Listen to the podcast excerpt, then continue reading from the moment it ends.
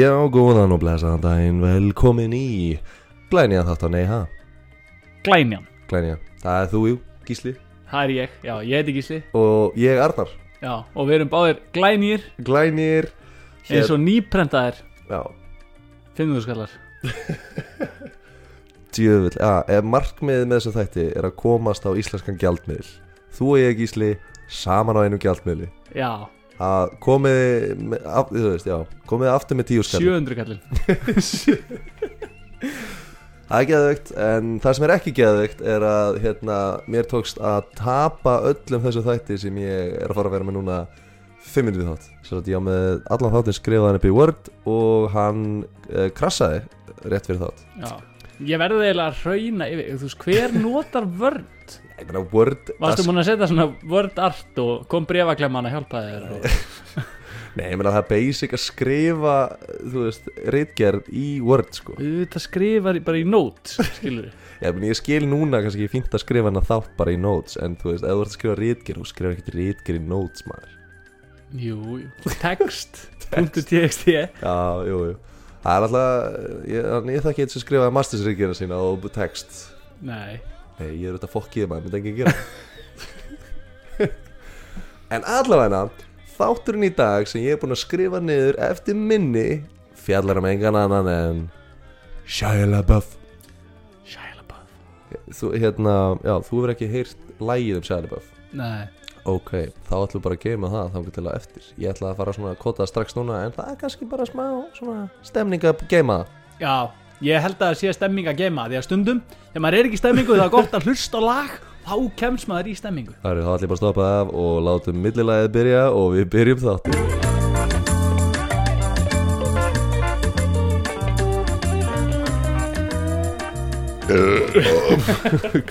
Það er sað. Ok, herru En við byrjum að þátt. Já, 11.134 hlustanir segir tjekka það senast Er Já. það ekki gjössanlega fram á vætningum með það? er fram á væntingum. Að þessi búið að hlusta 11.000 meir en 11.000 sinnum á bullið okkur. Já, geðveikt maður. Þeir sem eru að núta hlusta bara Þú veist Þið bara, you make my dreams come true. Já, eins og sa- hana, Halle Notes Halle Nótt, Sögðu. ekki Sæman en Garfangil Nei, þeir voru bara með eitthvað Bridge og Troubled já, allt þeir voru skýtnum sko. Ég þarf ekki að segja þess að voru skítum. Þeir voru bara svona pínu- já, þeir voru smá súri skilur. Halle Nótt léttir. Já, letir You make my dreams come true. Og Sæman en Garfangil þungir. Já, þeir voru Bridge over troubled water. Já, eða Sound of Silence. Já, þeir bara það bara dóa allir sem þeir þekktu sko. Já, og þá sérstaklega vinskapurinn þeirra. Þetta var risa blómaður Ok þetta voru góða nótur. Það er einhver galsi í strákur Þetta er svona eins og ég var að ræða um daginn Rás 1 mm. Það, sko, stórkostlega batteri Já, Það, það, sko Það eru Það eru fréttir í hátteginu mm.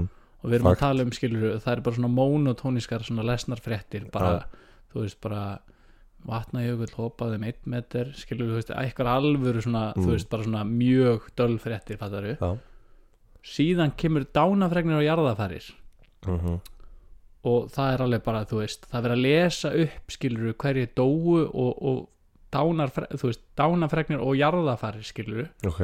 Og það er bara, fólk er bara komið alveg niður skilur, bara, þú veist, það er bara búið að slá fólk í malbyggið, þú veist, Já. ef þú ert eitthvað gýraðir eitthvað roadtrippi og lendir á rás eitt Já, bara, eins og bara á einhverjum háfjallavegum, Já, skilur rá, ráseit er svona að körbstompa lið. Já, svo bara eftir þetta þá spilaði bara eitthvað slow jazz og Mm. tala bara hægt. En það er samt bara eins og að setja í rússíbana eftir þetta skilju, það er bara búið að ná þið svo mikið niður að þeir bara setja eitthvað rólegt jazzlað og svo bara, jæja, við erum komin hérna í hátinu og þér finnst bara eins og að sé mötli krú í gangi, sko, Já. eftir dánafregnur og jarðafæris Hvað verður um rúf eftir 40 ár? Þú veist, rúf rás 1 Hve, Þú veist, út af því að allt fólki sem er að sjá um þessa náttúrulega ótrúlega stemningu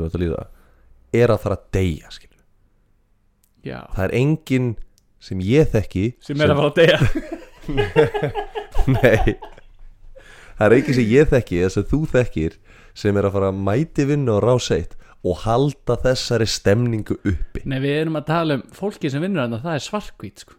Já, já ég meina, þú veist, ég bara að segja þú veist, ímyndaðar eftir svona 45 ár, ef það er einhver þú veist, sem er jafn gamall okkur og er þannig bara eitthvað Ég held að séu samt alveg nokkri sem eru okkar aldri á rás eitt já, og nú er hérna lúpínan orðin fjólublá og það er eins og allir vita og. Ég meina það hljóta að vera einhverja reglu bara, herðu, ef, ef að tempóið þitt Já. fer yfir 100 slög á mínútu í tali, mm. háttu reikin Já.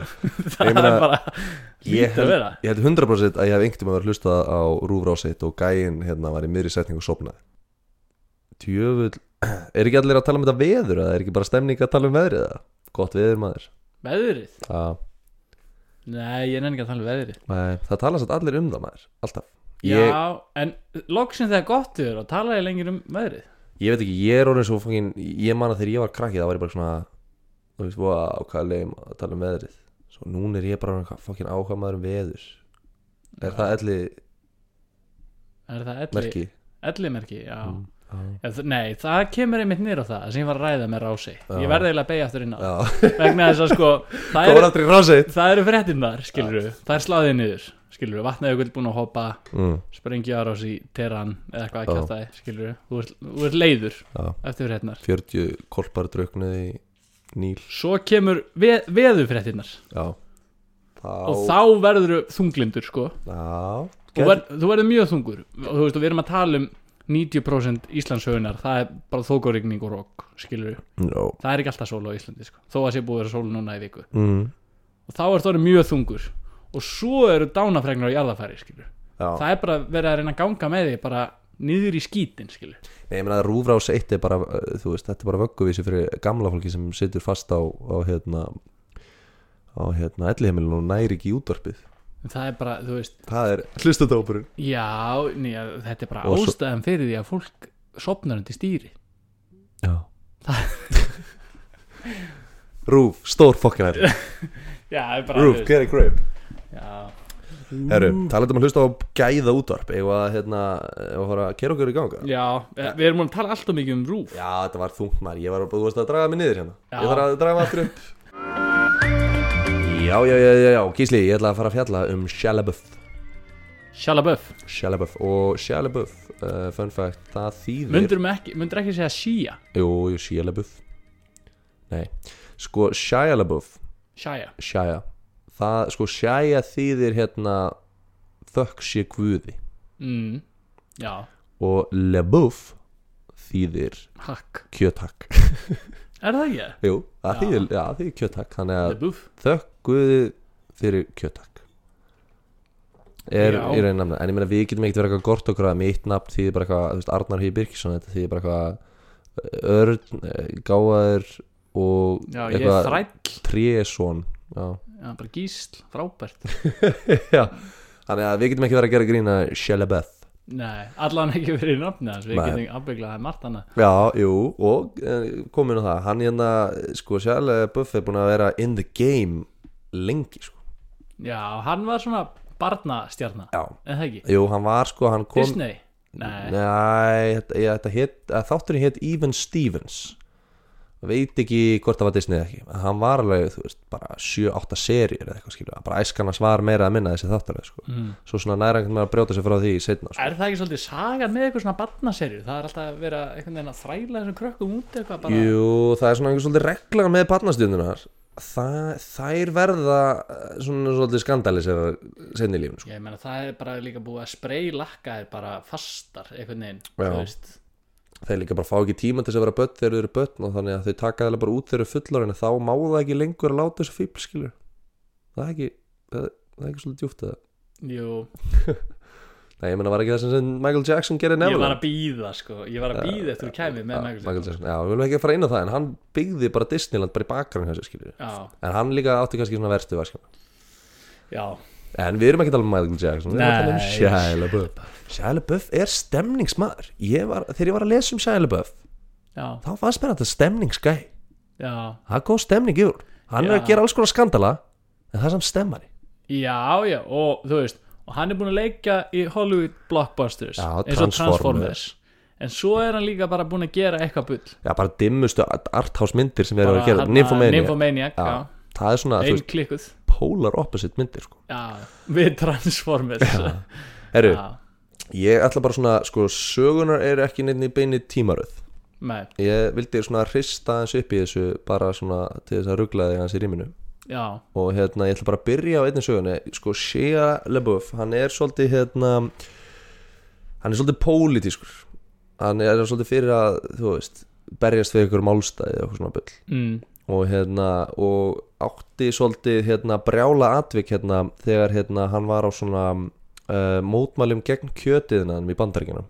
Mm, og þá aðalega svona animal cruelty. En hann Já, já. er græmitsetta já, þannig að hérna hann þetta stóð hann svona frekar nálægt. Og hérna það var eitthvað mótmæli í LA og þar var hann eitthvað, eitthvað svaka karakter og front person í þessu mótmæli með eitthvað Já, veist, og var hann í einhverju svaka kráti með eitthvað gjallar að hotna og eitthvað og var að garga alls konar eitthvað einhver málst bara var brjálaður. Já, já. og hérna og mótmælin labba fram hjá McDonalds já, sem er kannski svona holdgerfingur uh, kapitalisma og, og jafnvel, þú veist svona kjötiðnans í bandaríkjum fast, bara svona skítafæði Já. eitthvað svona verksmiðumandur Emmitt Þannig að hérna skál fyrir því. Já, og LaBeouf hérna fer inn í McDonalds með gjallarhotnið og nokkru mótmælendum og byrjar að öskra inn á staðnum. You are consuming murder. You are consuming murder og allir bara eitthvað þarna með bara mac cheese skilur ég bara er, er þetta Shia LaBeouf? er þetta Shia LaBeouf? Eitthvað með gjallarhótt eitthvað. Og hann er bara you're consuming murder.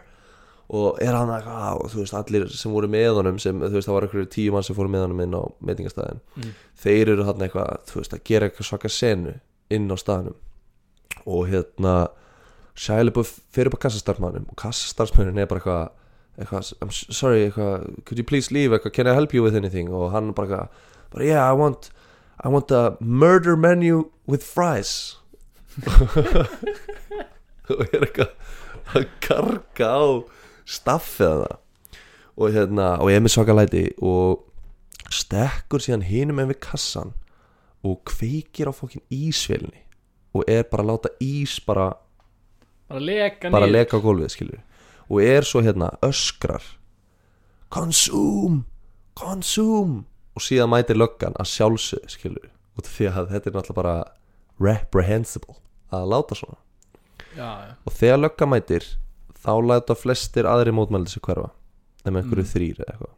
Nema Shelley Buff. Náttúrulega var eiginlega frontmann já, í þessu hann mótmælið var hann var trilltur og var að pakka kassan með ísvelina já, þannig að hérna uh, löggan kemur hana byrður hann um að koma frisanlega og hann fer að rétta löggunni hambúrgar og segir að, að þeir séu hérna að þeir séu, þú veist að vernda dýranýð og eitthvað djöfulinn og heldur áfram svolítið að senu sko mm. og er síðan bara handtekn og þurfti að sitja í þrjá daga og borga bætur til McDonalds fyrir þetta stönd. Monnís, Já, til McDonalds? Já 10.000 dollara fyrir, fyrir að sulla ís.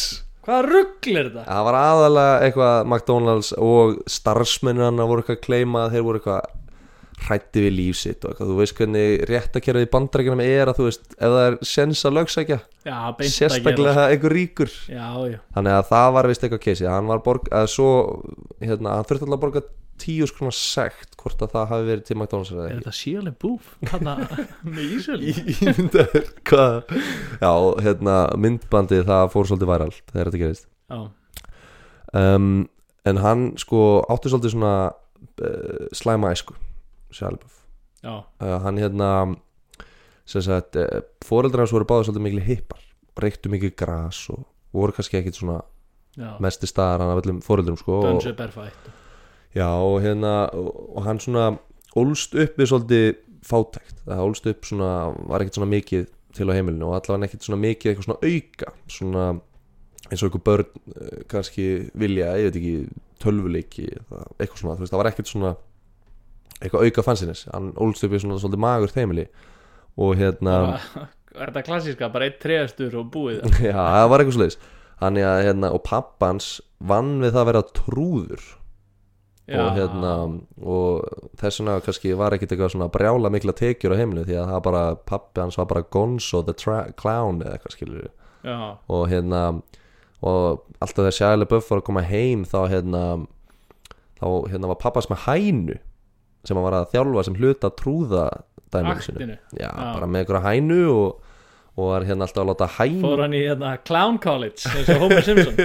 Já, eitthvað svo þess og hérna og hann var sér alltaf að koma heim og þá var pappa hans að kenna hænun að hoppa gegnum eldringi. Og Já. önnur svona áhugaverð stönd fyrir hænu. Og hérna já, og líka var alltaf að taka hérna kottnís og láta hænuna svona hlaupa ringin á pappa sinni hann byrjaði á haustum og svo tók hann kottnís og svona hljópa allan og yfir rassin og aftur á haustum skilur svona, og sæðilega buff var bara að mæta heim úr skólanum og svona hei pappi hérna, það er eitt starffrættaði mér sinna var í næs og hann var bara, pappa hans var bara trúður og var svona ekki dróðsum mikið til staðar skilur og bara sprautaði vatn úr blóminu og já, eitthvað svo þess skilur, þannig að uh, og ástæðan fyrir að Shia LaBeouf fór í leikaran að leika þegar hann var krakki var þetta því að vinur hans var líka barnaleikari uh, þá var ekki Shia LaBeouf fórin barnaleikari en vinur hans var barnaleikari og banna annari stjarna. Já, Já, að, veist, já, alla, svona, leikar allan og var alltaf, þú veist, að græða bara gegja mannið á því að vera barnaleikari. Að Shia LaBeouf var svona, ú, þetta er svona örug næs leið til þess að græða pening. Já, þannig að þess vegna fór hann í að leika. Út af því að hann vildi auka pening út af því að fóröldræðis voru bara clowning around. Eitthvað já, hérna nákvæmlega. En hérna já, Sjælebuff eh, náttúrulega eins og ég sagði í söguna hann komst á kastu lögin og það er Já. svolítið þema í, eins og þú í hérna, Já, tegum þáttu síðan. já, já, við skulum ekki fara að nála því en hérna fólk að halda í sér svaka krimmi maður. Hérna neða, sko, það er svolítið þemað myndi ég segja þetta hann, á svolítið til að komast í kastu lögin Ah, já. En hérna ekki shy við að koma nei, Nei. Jú. Ég leifi það Ég ætla ekki að leifa þessum að þetta Þú færði þetta á. Nei Heyrðu Shia LaBeouf var sagt Hann var nýkominn frá Írlandi Og var búinn að vera að drekka klikka mikið viski Hann bara nýflóðin bara til New York Og hérna Og með nóga viski Og, og hvað var hann að gera í Írlandi? uh, hann var hann að heimsækja kerstu sig já, ok, Já er hún rauð þér? Ég bara fylg, fylgdi ekki sögni En ég meina bara það sem maður myndi alltaf að question alltaf byrjun. En hérna Hann allavega var komin til New York og vildi bara halda áfram að kera í sig. Var búin að vera léttur í flugulni og vildi bara halda áfram að drekka og fer hann á eitthvað sportbar og er að horfa á HM bíti, bíti, bíti létt, þú veist, þetta er alveg fokkin langt flug, sko. Mm, Írland, New York. Já, hvað, fjara tíma flug? nei, nei, Fimm tíma, það er fimm tíma frá Íslandi til New York já, já, en það er alveg já, það er meira, sko, það er alveg átta tímar frá Írlandi. Nei, ekkert svo mikið. Heldur ekki? Nei, ég meina, allan, þetta er langt flug, þetta er lengra en Ísland ok, já, kannski sex tímar.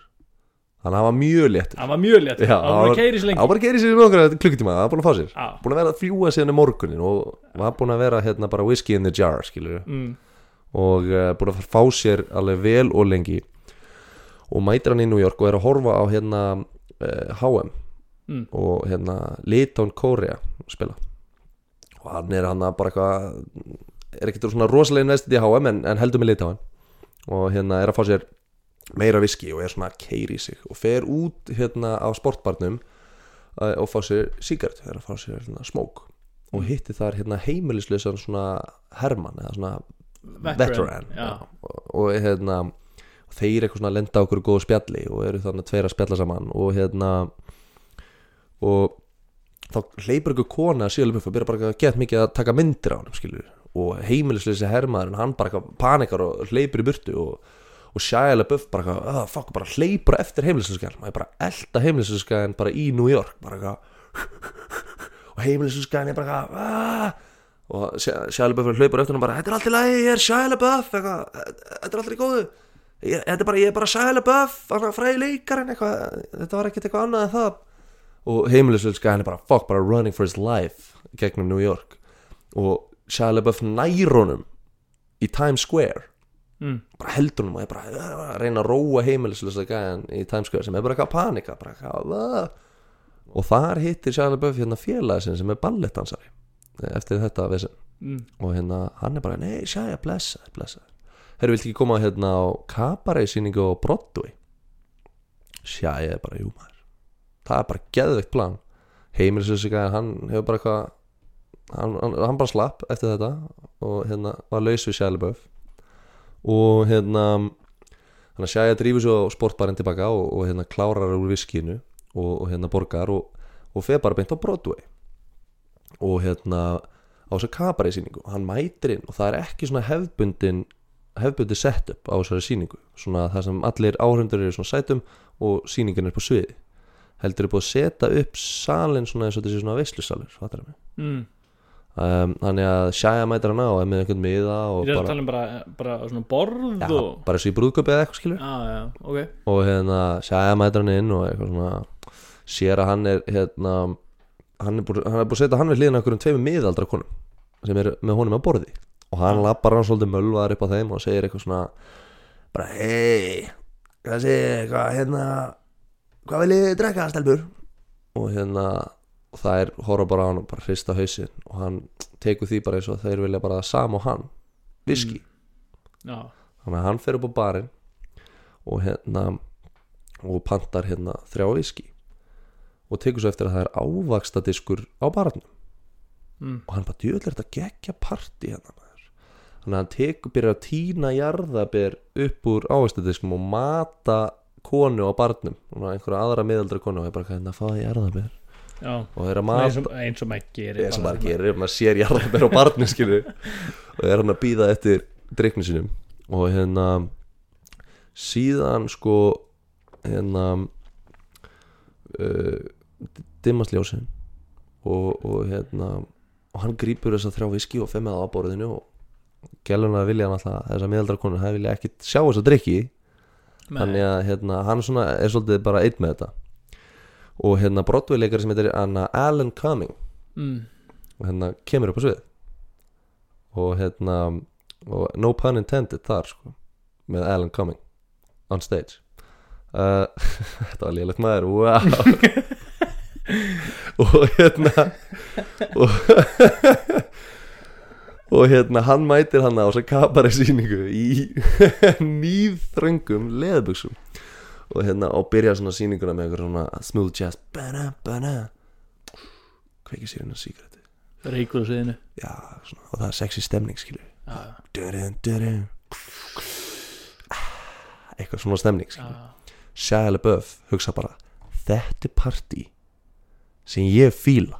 Já Svona eyes wide shut kveikir sjálfur í síkaretu og er bara með í síkástemningunni sem er upp á skilur að og er sjálfs bara, Hann sett ekki fordæmi. Neða, ég meina þú veist, nákvæmlega.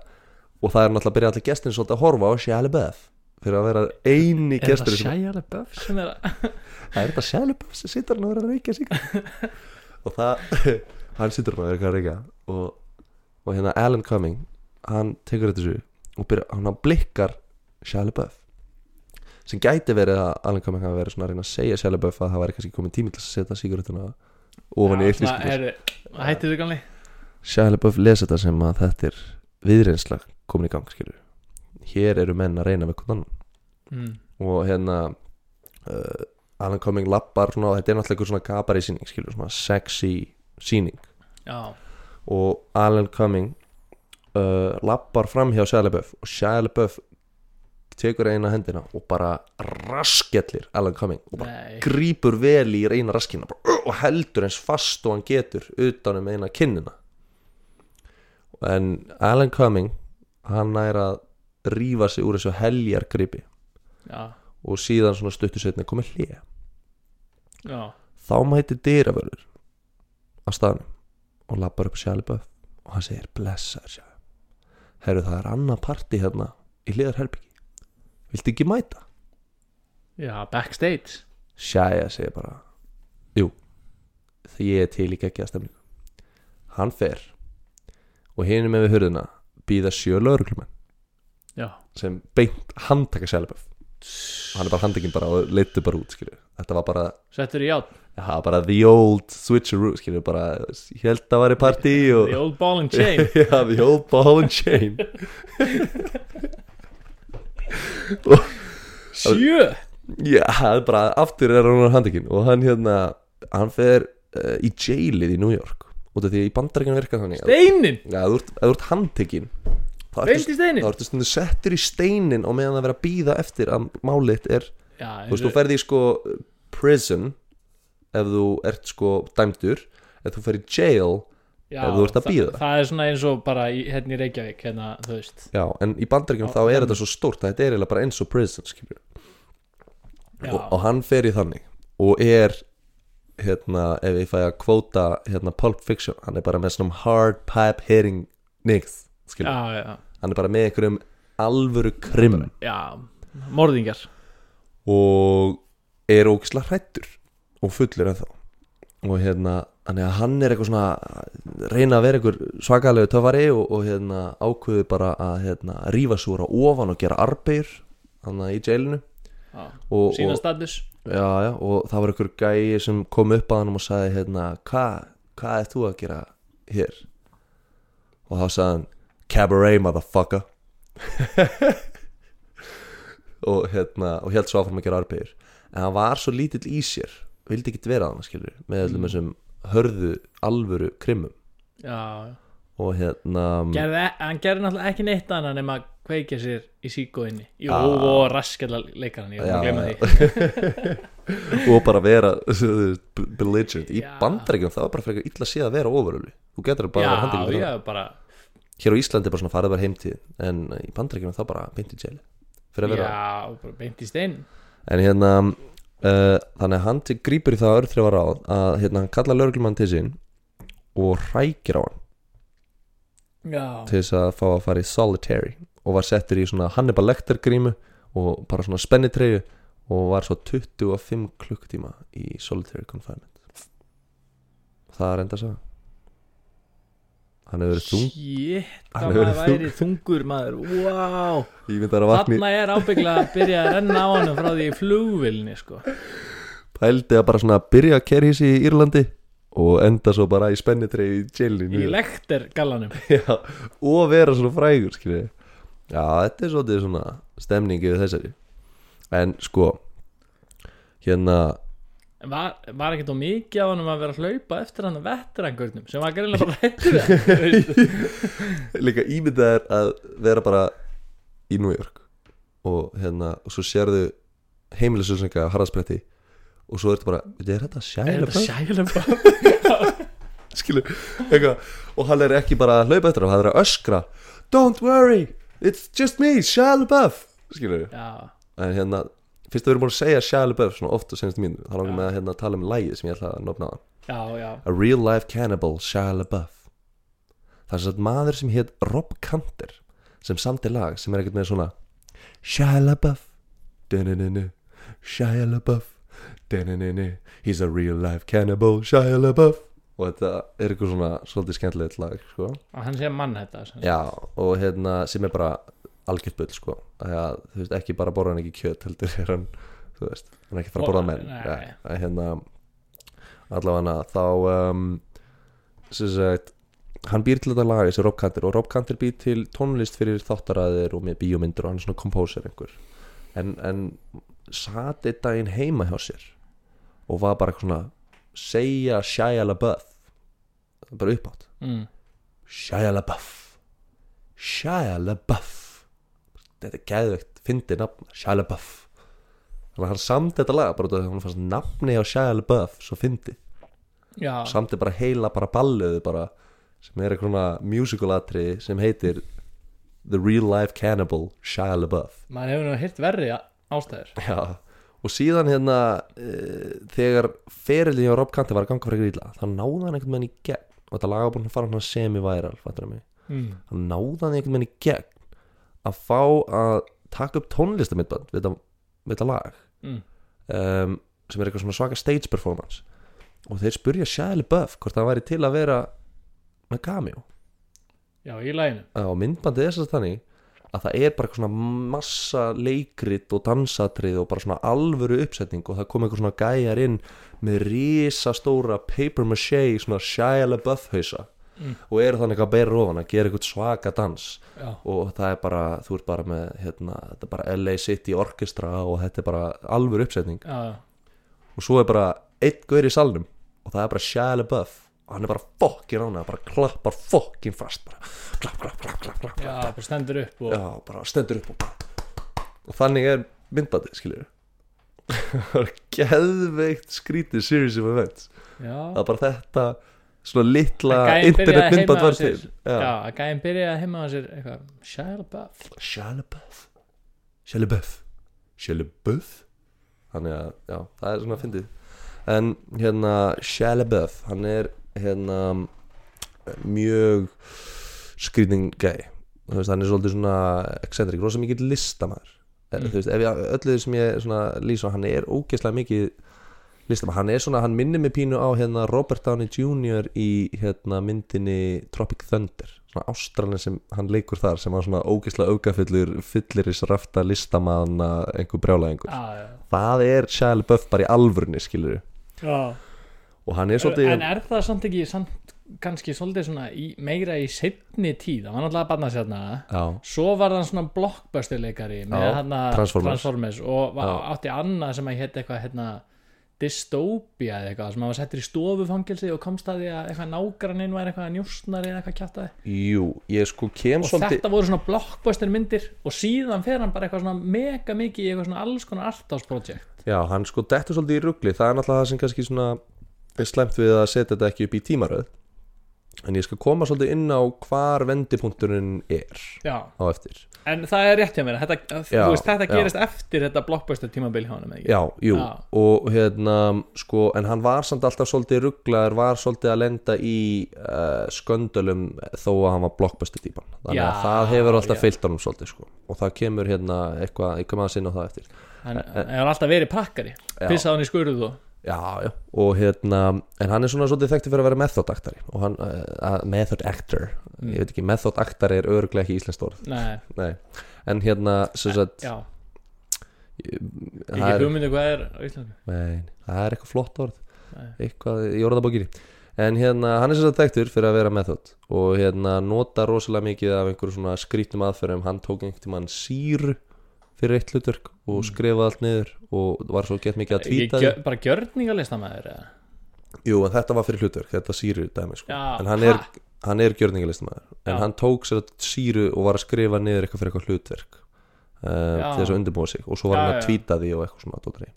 en allavega hérna, fyrir bíómyndina Fury þá hérna skriðdrika bíómyndi með Brad. Pitt og hérna þá hérna hókvað LaBeouf að hérna út af því að hann var hann í þessu stríði að fara ekki sturtu í fjóra mánuði.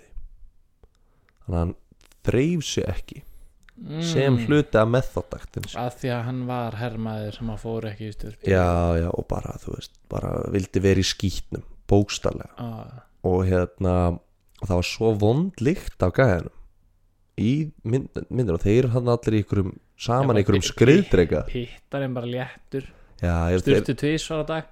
Ég meina þeir voru þannig bara saman í ykkurum skriðdrega skilur þannig að þetta er bara svona eins og þau var í sardínundós og ein sardínan er bara fál. Já, það er bara ruggluð skilur ah, og hérna og sem sagt og það er vist eitthvað margar senur þar sem maður á að geta séð að Brad Pitt er svona lúmst að svona beigja sig undan fílunni sjæli börn Shia LaBeouf. Já, maður fattar ekki fyrir maður veit þetta skrýtna fægt skilju já, en ekki bara þetta, þá hérna er karakterinn hans uh, sem er minnir að hafi heitið Bible í myndinni. Um, og hann er með svona tvo skurði undir já og hérna og Shia LaBeouf var ekki nú ánað með make-upið einn daginn og ákvað bara, æ, fuck it maður. Og skar í andlitið á þessum tveimur stöðum já, hann er náttúrulega gjössanlega og síðan til þess að halda þessu gangandi þá skar hann sig í hverjum þú veist, hverju viku til þess að sári myndi ekki gróa skilju þannig að hann var alltaf bara með opið sári í andlitinu eiginlega alla bíómyndina og nú er hann með tvö ör eftir fjúri í spettinu. Þannig að hann er svona svona rosalega með, er svolítið mikið með þátt Já. maður svona hafði heyrt sögur að því, ég, man- ég manni hindi eftir því hérna þegar Borat var gerð þá Já. var það einmitt eitthvað svipa sko, hann fór ekki í styrtu í já, ok vikur eitthvað það, dót, það, það setur hann að pungsenuna það sem er að hlaupa í liftunni í nýtt sko. ljós fyrir mér það er new level sko. Úf.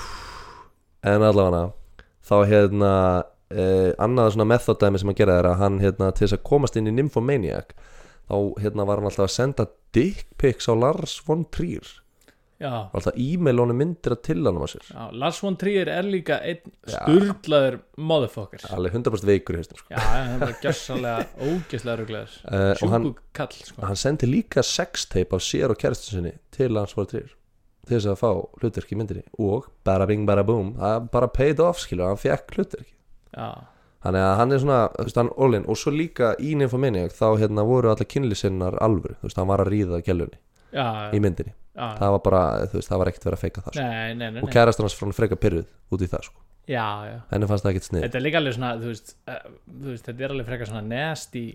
Mynd, Já, já, ég hef ekki séð hana.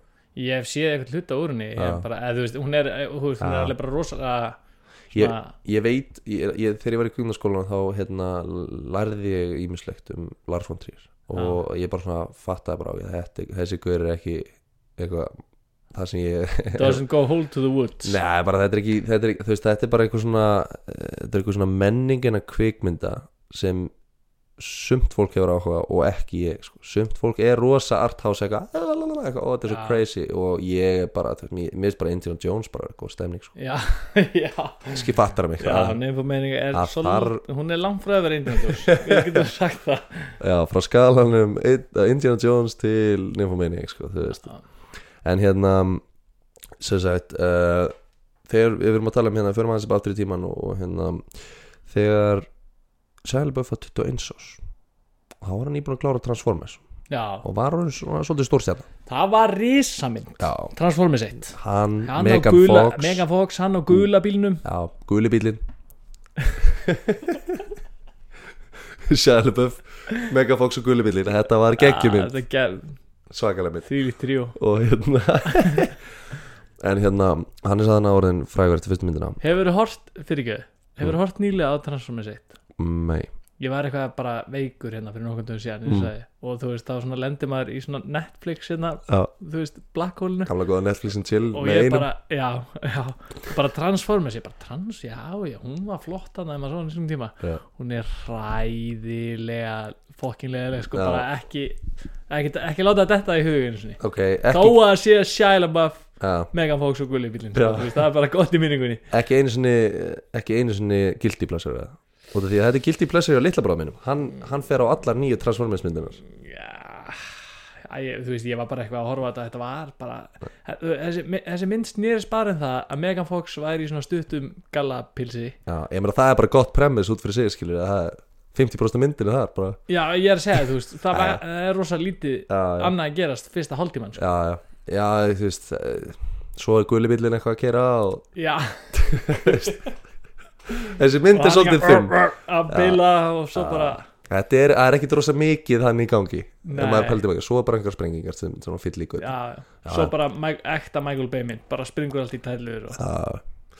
en ok, það er stemning. En hérna þegar hann var svo satt búinn að þessari mynd þá hérna var hann í hóteli í Chicago. Já, og hér, Chicago. Og hérna þar var hann aftur að keira í sig út af því að hann elskar að fá sér. Mm, var að drekka og hérna sem sagt uh, fer að kreifa sígarettur. Er ekki minna sígarettur? Og hann eitthvað er að tala við hótelstaffi er, er hægt að fá sígarettur? Já, ekkert mál, þú getur bara að lappa hérna bara beint hinn með veginn, þar er hérna Walgreens þú getur fengið sígarettur þar. Já, já. góð búð. Já, hann er bara geggjað maður. Fer hann í liftuna, bling, er að fara niður og sér hérna í speglunum að hann er með bólu í andlitinu. Mm, bara djöðlin, bóla í andlitinu. Þannig að hann hérna sem sagt er eitthvað að pæla í þessu og eitthvað svona pæla hvort hann er kristan eða ekki og fer svo inn í Walgreens. Uh, og þar hérna eh, er einhver dyraverur út af því að það er á nóttunni. Mm, uh, og hann fer hann inn og er náttúrulega frekar fullur og ætla svo að hérna uh, fer beint og er eitthvað að skoða bólukrem. Eitthvað svona þess að setja á bóluna. Mm, og hérna kaup, eða svo þetta er eitthvað svona skoða bólkrem og þá var eitthvað svona dyravörun að horfa á hann eitthvað svona. Er þetta Shia LaBeouf hann það í Er þetta Shia LaBeouf að kaupa bólugröð? klukka, tvö um nótt uh, í Chicago. Já, það var stemningin skilur Já, og hérna og og sem sagt um, uh, er eitthvað að hlæja þessu? Og Shia LaBeouf er bara fokkaði maður, þetta er ekki það að fyndi. Meina kallinu þurfa líka að kaupa beauty vörur skilur, bara veist, það vita það allir. Það vita það allir. Og hérna, hann, er eitthvað svona pyrra svo þessu og fer og borga fyrir bólukremið og fer aftur upp á hótelherbyggi og er hann eitthvað svona að setja bólukremið á bóluna sína. Mm. svo er hann bara eitthvað fuck! Glimti að kaupa sígarettur. Nei. Og glimti sígarettur með ástæðan fyrir að hann fór í Walgreens skilur, kifti bara Ah, eitthvað bólukrem hann hann eitthvað svona tjöðlum aður ég get ekki látið sjá mig aftur hann að dýraverðin eitthvað. Þannig að hann skipti bara um föt fer bara alveg nýtt átfitt Já, og fer aftur í liftuna ding, og út skilur og inn í Mm. Walgreens og, og þegar hann mætir hérna þá er dyrraverðin bara eitthvað I like your outfit. Ah, fuck. Og ég well I like your outfit. Well you like this? Yeah I like that. Og bara svona ókslega vandraleg skrítin samskipta melli Shia LaBeouf og dyrraverðin hann, já, hann eitthvað að tala um að fíli hérna enginnisbúningin og eitthvað. Gallan, já og hann er bara svona eitthvað lappa og svona pínu diss að þú veist svona reyna að vera eitthvað svaka kall Töffari og lappa svona aftur fyrir sig og rekst beint á hérna nammi hérna eigu einhverja skilur það sem að vera að selja nammi. Já, svona namibar já eitthvað svoleiðis. Og hann er svona og rekst á hann eitthvað svona til þess að halda kúlinu svona grípur svona Haribo póka bara beint. Eins og að það hafa alltaf verið planið þess að lappa mm. þetta nammi dæmi. Og ég bara ég eitthvað lappar og, og borga fyrir það og hérna og fer, fer aftur á hótelvíki og er hann eitthvað bara með Haribo bókar God damn it, skilur. Glimti sík og aftur þannig að Shia LaBeouf fer í hættubis já, og fer aftur í liftuna já. Bling. Inn í Walgreens og hérna eins og í öllu svona bandarinskum bíómyndu þá fara menn í hættubis og verða óþekjarlegir og þá já, en dyraverðin kannast hann. Hann bara You fucking kidding me bro? You kidding me? og þá kemur Shia LaBeouf og bara Yeah motherfucker. I'm your worst nightmare. Og hérna og þegar hann segir þetta þá tæklar annar dyraverðin og setja hann í svona plasthandjón Já, svona bara strapp svona, Já, já. neglar hann ég reyna og er bara handtaka bara, bara borgarleg handtaka á LaBeouf. Og hérna löggan mætir. Og honum er bara hendi í jailið já, beint í steinin steinin fyrir að vera hérna fullur í, á almannafæri og trespassing. Trespassing? Já, þetta er samt búð sko. Já, en hann var samt kærið fyrir það. Það er bara steining. Þetta er bara svo, svo ógeðslega skrítin saga. Og hann í steininum fekk ekkert síkó nei, ég fekk ekkert sígur hann lendi í steininum í fyrstu sögunni fyrir að reykja síkó já, og svo fekk, fer hann í steininum í setni sögunni fyrir að geta ekki keft sér síkó já, já. En en að sko, gæin er ógæslega skrítin og hérna hann er alltaf að hendi í eitthvað svona sem er bara svona næringin að fatta. A- og förum aðeins inn á svona gjörninga típuna sem hann er.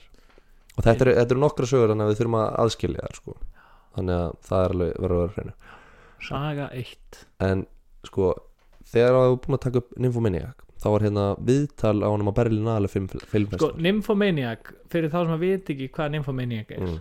þá er það kvikmynd sem fjallar um stelpu sem að er kynlífsfíkil Já, og hún er mjög dökk og dimm og hún fer hún er mjög dark og hún er mjög bara svona vivid, þú veist eins og Já. sagði það er bara öll, öll atrin í myndin eru bara, þau eru ekki leikin Nei, já, leikornar eru að sofa hjá gæjanum sem er leikornum í myndinni í já. og, Og þetta eru alltaf svona eitthvað svona andlegar pælingar hennar og þetta er svona mjög svona mjög skrítið mynd. Hún er á mjög slæmum sálarstað já, já, og, og, hérna, og tekur hana eh, svolítið á mjög dimmastað. Lars von Trier hann er svolítið fyrir það já, að hafa þetta dögt og já en bara svona, hann er að fólk myndi átt að já, googlið þetta bara, það er bara holdt. Það er bara hól Eh, hérna en já, sagt, hann mætir hérna á Berlinale filmfestival Mm. í, í hérna að þú veist hvernig þetta er svona panel og hérna eh, og er klættur alveg eins og útigangsmaður klikka skítur í ripnum jakka með skítu að derhúu úgesla skítur í andlitinu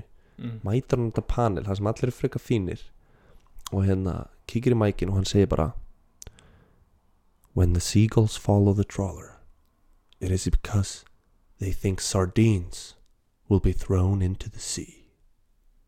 Thank you very much. Stóð hann bara aftur upp og lappaði burtu. Og var allir bara what? Hvaða bull var þetta? Frá Já. Shia LaBeouf. Kem, ástæðan fyrir að máarnir elda bátana að þeir halda sardinu verið hendi í sjóin já. Já.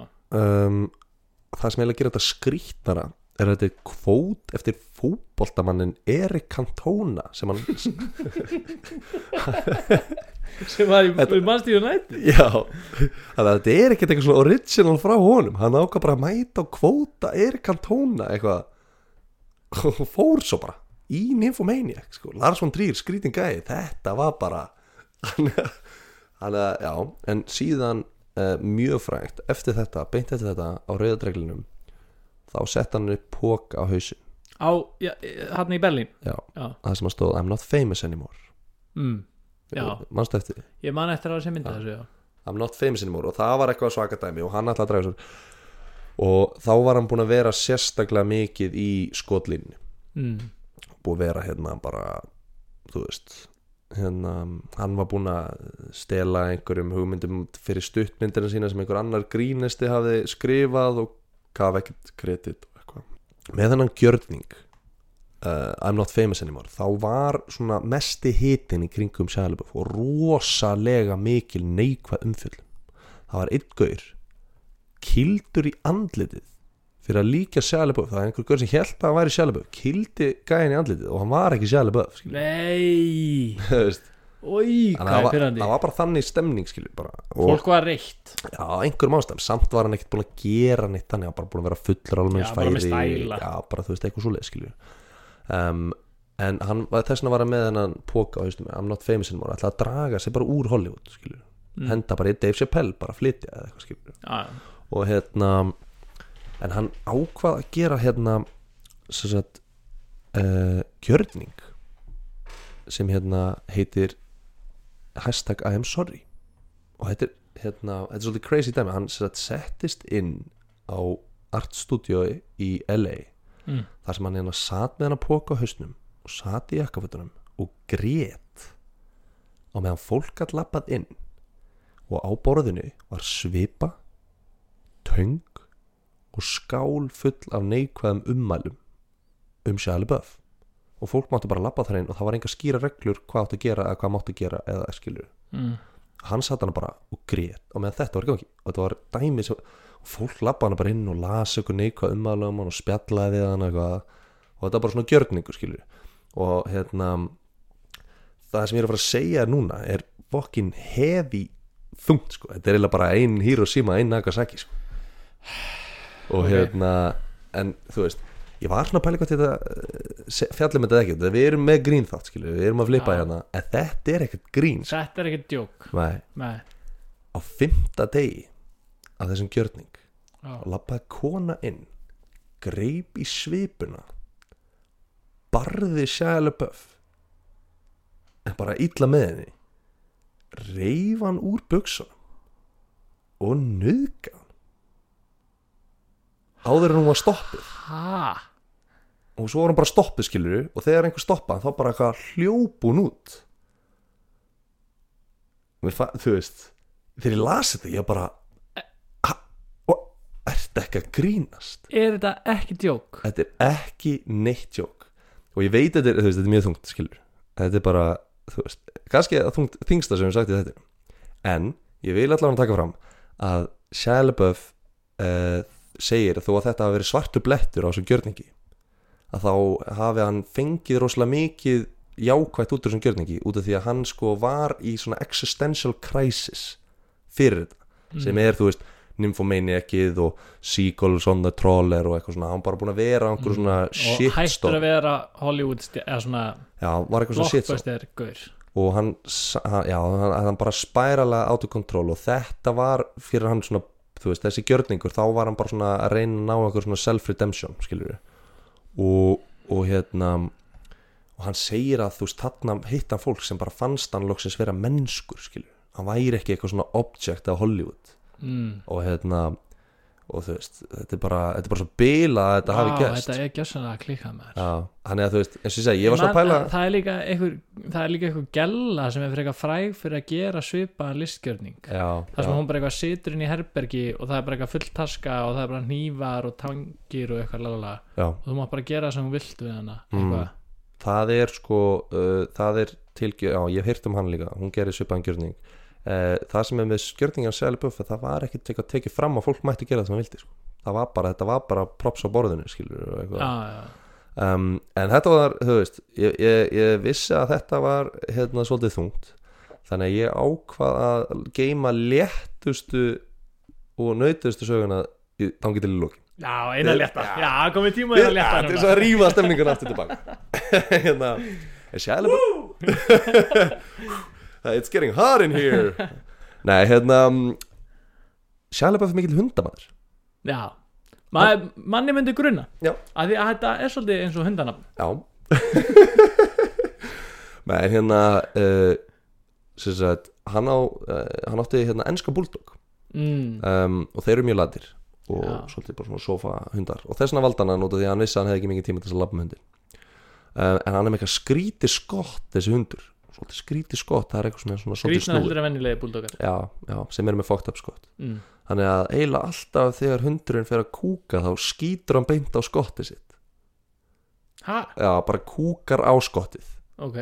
Og hérna og svo er, hleypur hann inn í hús og, og, Og er, já, er bara með þú veist svona, eitthvað svona kúka hérna svona sjarpi aftan á rassinum á sér skilur mm. og málar bara húsi á sér með einhverjum svona sófan já, já, bara með einhverjum geggjum hundalistverk einhverjum svona hundalist skilur bara með, með skottinu.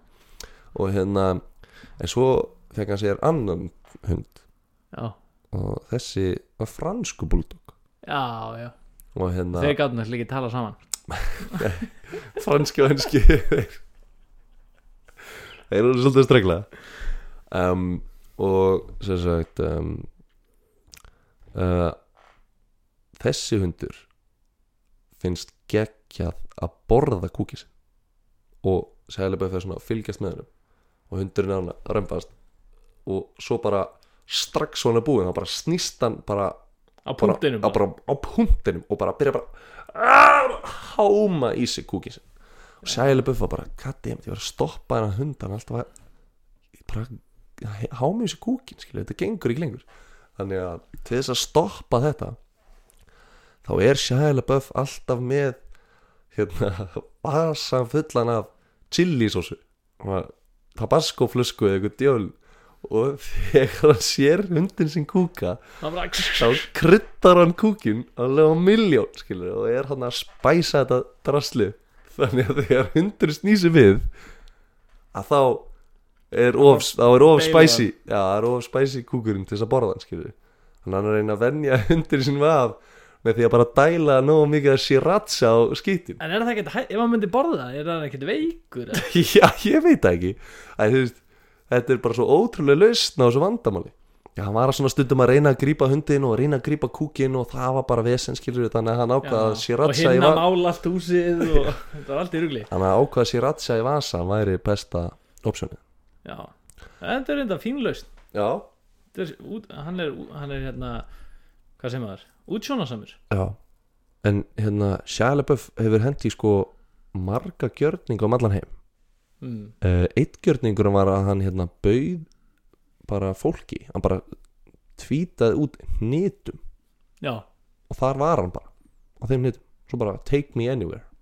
Hann mátti bara taka LaBeouf bara fara með hann einhvers já, síðan gerði hann annan gjörning í, í Finnlandi þar sem hann var einn í kofa einhverstað lengst upp í Laplandi í Finnlandi í einn mánuð með bara webcam að sér. Já, og eina svona human interaction sem hann fekk þar var að hann hérna hann var stundum að hitta einhvern svona lokal svona sama gæja og, og hérna fór stundum hérna í sánuna með honum. Já, en var svolítið lítill í sig því að hann er svolítið lítill í sér út af tippastærinni síðlega já, síja og, og í Finnlandi þá þá eru allir á tippinu sko. já, já, og hérna er já, já.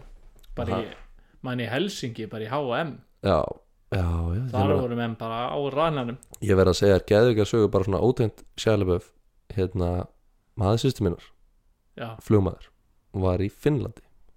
Og það er svo mikið að sánum í Finnlandi að hann var í blokkaríbúð á nýjundu hæð, já, sána það er sána en menn var ekkert að láta það stoppa sig að fara út í snjóin Nei, að taka, voru í sánum taka liftuna tóku liftuna niður á fyrstu hæð bómbu sér í snjóin ímyndar að labbi þá liftu kling.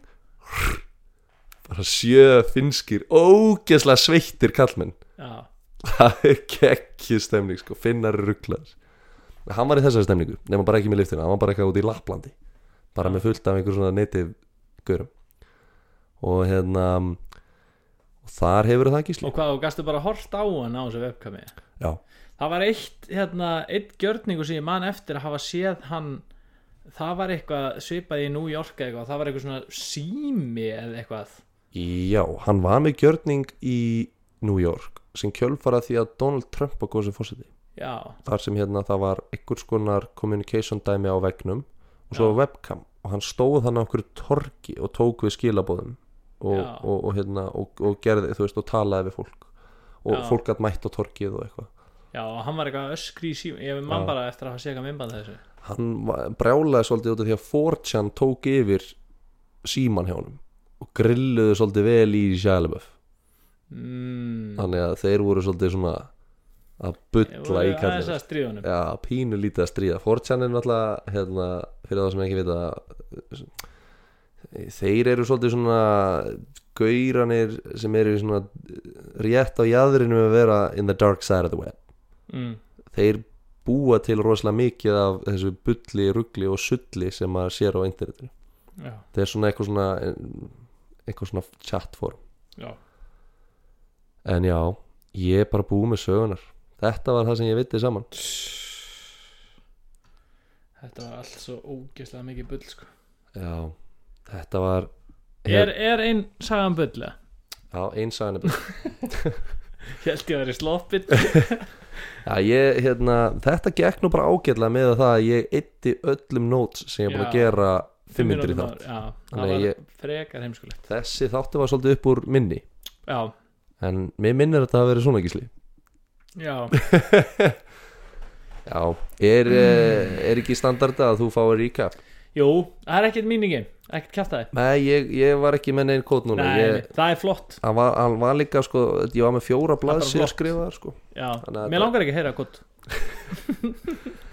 En já, við vorum sagt, hérna, Shia LaBeouf uh, mótmælti í McDonalds og, og hérna kveikt á ísvölinni kveikt á ísvelni og let sulla ís á gólfið og reyndi að gefa lögreglumennunum hérna hambúrgara þetta sjælega buffað á ísvölinni síðan hérna var pappans trúður uh, og var, með, var alltaf með hænu heima og, og var að hendi alls konar og var alltaf með hænuna í svona eldringa svo væri með svona tígristýr skilur já, og hænan átt að hoppa í gegn. hænan alltaf hopna í gegn og mér er frekar áður þú sagði á hana gera frekar svona klikku tricks fyrir hænu. Þetta er bara frekar klikka tricks bara fyrir sem í hvaða Já. dýr sem er. Hann Olsson var svolítið upp í svona fátæku umhverfi um, út, af, út af hérna pappans var bara eitthvað hippi og eitthvað trúður og Mm. það er ekki að sinna fjölskyldinu svolítið nógu mikið og að þess vegna fór hann í leikarum sko, til þess að- að vera rich já, get that money. Síðan hérna var svolítið löngsaga það sem hann hérna hann kom frá Írlandi uh, eldi svo heimilisum sem kall uh, hitti svo félagsi sem var balletdansari sem bauði hann um að kapari í Broadway þar sem hann hérna reykti inni og var síðan handtekinn. Og í og svo fór hann í steinin og hérna, þóttist þeirra súkulega mikil gangster þar var samt svolítið lítill í sér þannig að hann hrækti fram hann í lauruglumann og endaði svo í spennitreyju. Í solitary. Það var ein og ekki hérna kaplinum í gamla Windows. Nei, þetta var hérna, þetta var svona einn svolítið hellisaga síðan hérna uh, er hann svolítið method og hérna, og eitthvað af þessu method bulli sem hann hendi í var að hann hérna hann fór ekki sturt í fjóra mánu skar sér andlitið. Um, hann sem sagt sendi tillamindir á Lars von Trier og sextape sem svona hluta method og, Mm. og reyð öllum hérna sem hann var í Nymphomaniac. Reyð öllum í Nymphomaniac. Um, Síðan hérna var það sagan þegar hann fór þrísvar í, í apotekið Walgreens uh, fór upp og niður og og, náði ekki að kaupa síkó. ja, kefti fyrst bólukrem og svo kefti hann bara Haribo og, og síðan var hann handtekinn borgarleg handtaka og var síðan settur í steinin aftur í steinin með hann mikið að, svona, mikið að sögum það sem hann endar í steinin oft í steinin og hérna síðan skrifaði hérna Rob Kanter hérna Real Life Cannibal Shia LaBeouf lagið bara út af hann að fá Shia LaBeouf. Svo fyndið nafn. Sagði bara Shia LaBeouf svona nokkur sinnum. Bara Shia LaBeouf. Og svo bjóð hann til þetta lag sem Já. fór svo rosa væral uh, svo s- hvo- hérna síðan hendan í gjörning það sem hann sagði hérna The Seagulls Follow the Trawler sem var eftir Ar- Eric Cantona fótboltamannin mm, fór síðan á hérna, rauðadreilin með póka yfir hausnum það sem stóð I'm not famous já, síðan í kjölfæra því þá hendan í annan gjörning sem hérna það sem hann var aftur með pókan á hausnum. Uh, það sem hann aðeins sorry uh, það sem hann bauð upp á það að hérna með eitthvað herbergi það sem hérna fólk gætt bara komið og, og, og einhvern veginn svona gert það sem hann vildi við hann. Mm, og það endaði að ein tók það svolítið langt og mi- misnotaði hann kynfyrslega já, uh, og síðan uh, á hann tvo hunda og, og þeir einn kúkar á skottið sitt og hinn borða kúkið sinn. Og það er alltaf eitthvað góð stemning á húsinu hans. Já, heima. með, ja, heima bara með kúkinn og, og eitthvað svona góða stemning síðan hérna, þetta er alla söguna sem þú þarft að já, uh, það er svolítið skemmtilegt svona bónusfækt bara meðan þú ert að melda þetta. Já, ég ætla bara svona að detta inn á. Já, já, gottum með það það er ógeðslega fyndið það er nokkuð svona fyndið natri sem var skemmtilegt að nefna. Það er eitt að hérna LaBeouf fór í gegnum ógeðslega skrítið tímabil það sem hann var með svona róttu hala dreadlock. Já, og á því tímabili þá var hann að gera alls konar fokkin rugl. Eitt að því var hann að, do it! Just do it! Já, dæmið hann að já, það var sko eitthvað hálftíma langt myndband þar sem hann var að gera eitthvað svona einhvers konar gjörning. Já, fyrir sko einhvern listaháskóla í Breitlandi og það kliftu einhverjir úr þessa 40 sekundu klippu þannig að do it dæmið. Já, og sett, að þetta var náttúrulega bara monster meme sko.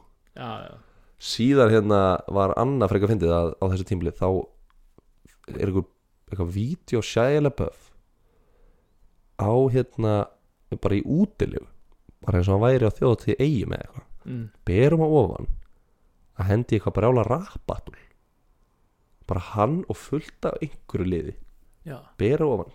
Greinilega mölvaður er þetta síðan böff er þetta, þetta Shia LaBeouf með rapatul og hann er hann er bara eitthvað þú veist eitthvað lyric lyric lyric eitthvað og kann ekkert að rappa skilur er bara að bulla. Já, Hann þannig hann, hann er veist það er alltaf einhvern megin einhver kamera að ná bullinu sem hann er að gera sko. ok. Þannig að hann er hann er karakter. Já, hann hefur ekki gengist ósnertur undan aukinni hérna surveillance. Geðveikt seging þeim maður. Þetta var flott. Þetta, þetta fer í bankan já, Jón Sigursson, þetta hlusta? Vaknaði Jón. Já, ok. Erði, já, ég er aðeins búin að melta þetta sko. já, mér finnst þetta allt vera fokki mikið bull sko. já, en það eru svona nokkra sögur það voru ekki alla sögurnar að sjálfsögðu sem að ég var svona nei, heyrðu, ég er ekki alveg viss. Nei. Sumar, sumar. Já. mér finnst trúðasagan með pappans. Já trúðurinn að pappans hafi verið trúður og einhver fátækur trúðahippi. Já, aðalega af því að sko ég get ekki séð fyrir mér að hænan sé nú að fljóta hlaupa yfir hann meðan hann fer í kollni sko. Þessi saga er einhvern veginn svona móti physics. Já, þannig að ég er svona það gerði mér smá eftir sko. ok. En af vísu hef ég aldrei séð hænu gera töfrabröð sko. þannig að shame on me kannski. Já, uh, Langa sagan hún er svolítið klikkuð sko. Já. Af að því- margt sem gerist í henni. Það er, svo, það er svo margt sem gerist í henni og það er svo ótrúlega veist, og hver hver sagði þessa sögu skilur? Ef að maður myndir, þú veist, sagði hann þessa sögu? Það er það sem ég veist skrítið sko. Já, svo er það síkósagan sko. Það er ótrúlegt að gleyma því þegar svo sko. já, já, já, já, já. ok um, en að vísu. Er það komið eitthvað twist? já. Þá finnst mér líka hérna sagan með hérna gjörningin Já Sem endaði illa. Sem endaði illa. Já. Illa fengið gjörningur. Það væri samt taktlust að það er að koma með þannig sögu sem bullsöguna sko. Já Ég Það væri taktlist Þú veist þá Það væri ekkert í anda þáttarins. Nei, það væri svolítið skrítið sko. Ég, fyrir þessu veist Með þá sögu Hún, hún er þung Og þú veist Maður hugsar kannski Já, er þetta kannski eitthvað sem passar inn í þáttin Er þetta eitthvað sem passar ekki inn í þáttin En mér fannst þetta bara svo hellað. Já, ég meina, þetta bara klikka Og þetta var þeirlega bara að vera inni sko. en hvað, þú veist, gerði hann engin eitt var hann bara með bókan hann bara, þú veist, út af því og að gjörningurinn var að hann væri passive, skiljur, að gerði ekki neitt já, og bara fólk einhvern veginn gæt bara, þú veist, hann bara svona einhver brúða, skiljur og hann er bara svo method, man, hann tók þetta allar leið. Það var ekki fyrir en einhver aðri kom inn og stoppuð já. En hann ákvaða að gera þetta ekki. Herði, ég er aftur og þungur. Úff. eftir spjalli er já, og síðan, en nú, þú getur ekki talið um alla söguna Nei, nei, nei, ég, það, það er þessa fjóra en ég Já. ætla að útiloka þessa þriði Já. Mér finnst sko trúðarsagan Mér finnst hún eitthvað bara, þú veist Þetta er bara eitthvað með að, að þú veist að hann hafi pappans hafi verið trúður og var alltaf að gera eitthvað triks með hænu. Já, og vinur hans hafi verið barnaleikari og þar leðandi hann átt að segja á því að hann gæti fengið mánís klikkað. Langasagan er alveg smá brjáluð. Psycho-sagan finnst mér öllu heldur líklegri vegna þess að hvernig getur þú glimt þrísa sinum að kaupa fokking pakka að kamel? Já, já, það bara, þú veist, það er of mikið sko. já hann var mölvaður, hann var mölvaður. Guð minn góður sko. ég ég á ég, á ég að koma, ég, he- ég held ég hérna, viltu fá að viltu minna miljónlægi eða? Ding, ding, ding, Nei. herri, ég verð bara að skjóta á þetta skilur. Já, ég, sko, máli, ég segi þetta bara því ég er bara, ég, ég bara er í sjokki skilur. Já, en ég ég held að það sé síkósagan sko. já. Ég held að hún sé bull. Ok, herruðu Gísli á þessum þremur sögum sem þú valdir pappans og trúður langasaga og síkosaga mm. þá var allt á sér rétt. Því miður kallið minn. Þetta er allt satt. Pappans og trúður er, og, og allar þessar þrjár sögur hann sagði þær sjálfur. Já, Nei, þetta er bara straight out of the horse's mouth. Uh, Sagan sem er bull. Og ég, eftir því sem Ég var orðin svolítið stressaður að hérna að hún hérna væri svolítið aukafull, þannig að ég hendi henni fyrst til þess að svona throw you off. Mm. það er McDonalds ísvélasaga í alvörunni? Já, hún er bull mér finnst í alvörunni eins og ég hafi séð þetta skilur já, já, meina, hann er á líkleg YouTube það skilur. eru svo mörg svona myndbönd af honum að gera eitthvað svona bull.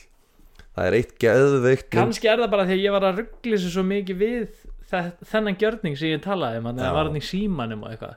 Það var alveg svona hann var að trompast eitthvað og, Já, það eru mörg myndböndanum það sem hann er að öskra í public og hann hefur líka ráðist á okkur fólk og hann er líklegur, Já, hann er já. líklegur. Hann er ekki gramminsetta ég sá sko. hann eitthvað, hann hrinda líka lögreglum hann Já, og hann hefur hægt fram í lögum hann reyndar sko uh, síðan að búf sem hann að hrinda það sem ekki, uh, bara svona til þess að koma með svona loka twist á hérna Sjálfböf Já. og hérna var hann í viðtali á Ellen.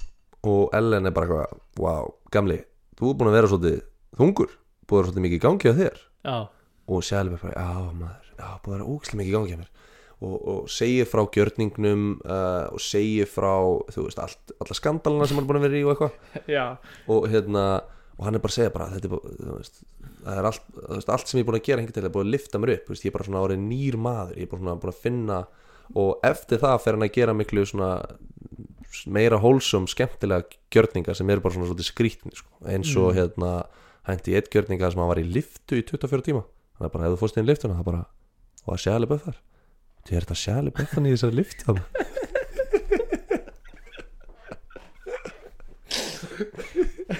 og hérna og síðan henda hann hérna uh, í einhverja no nokkra gjörninga til viðbútar Víti, var þetta sjæli böfsa með einhverju liftur?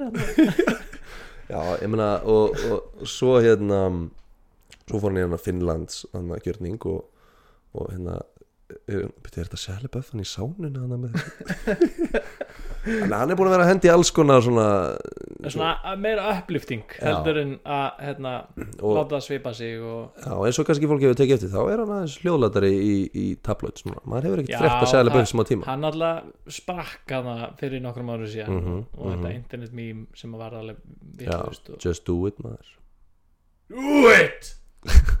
En hérna, við ætlum að enda á þeim nótum hérna bara ef þú ert hann úti og þið langar að gera podcast þá bara just do it. Já, Don't let your dreams be dreams. Já, just let your Do dreams come true eins og Hall Notes do, Nei, ég er, ég er núna að kota Shia LaBeouf. Já, já, fyrir, Já, ok, við endum á þeim nótum. Já, flott. Takk Þú fyrir eyðilagðir þáttinn. þetta. Við ætlum að enda hérna að lagi Real Life Cannibal Shia LaBeouf. Gjör svo vel You're walking in the woods. There's no one around and your phone is dead. Out of the corner of your eye, you spot him. Shia LaBeouf. He's following you, about 30 feet back. He gets down on all fours and breaks into a sprint. He's gaining on you. Shia LaBeouf. You're looking for your car, but you're all turned around. He's almost upon you now, and you can see there's blood on his face. My God, there's blood everywhere! Running for your life from Shia LaBeouf. He's brandishing a knife. It's Shia LaBeouf. Lurking in the shadows. Hollywood superstar Shia LaBeouf. Living in the woods. Shia LaBeouf. Killing for sport. Shia LaBeouf. Eating all the bodies. Actual cannibal Shia LaBeouf. Now it's dark, and you seem to have lost him, but you're hopelessly lost yourself. Stranded with a murderer, you creep silently through the underbrush. Aha! In the distance, a small cottage with a light on. Hope! You move stealthily toward it, but your leg! Ah! It's caught in a bear trap! Gnawing off your leg. Quiet, quiet, Limping to the cottage. quiet, quiet. Now you're on the doorstep, sitting inside. Shia LaBeouf, sharpening an axe.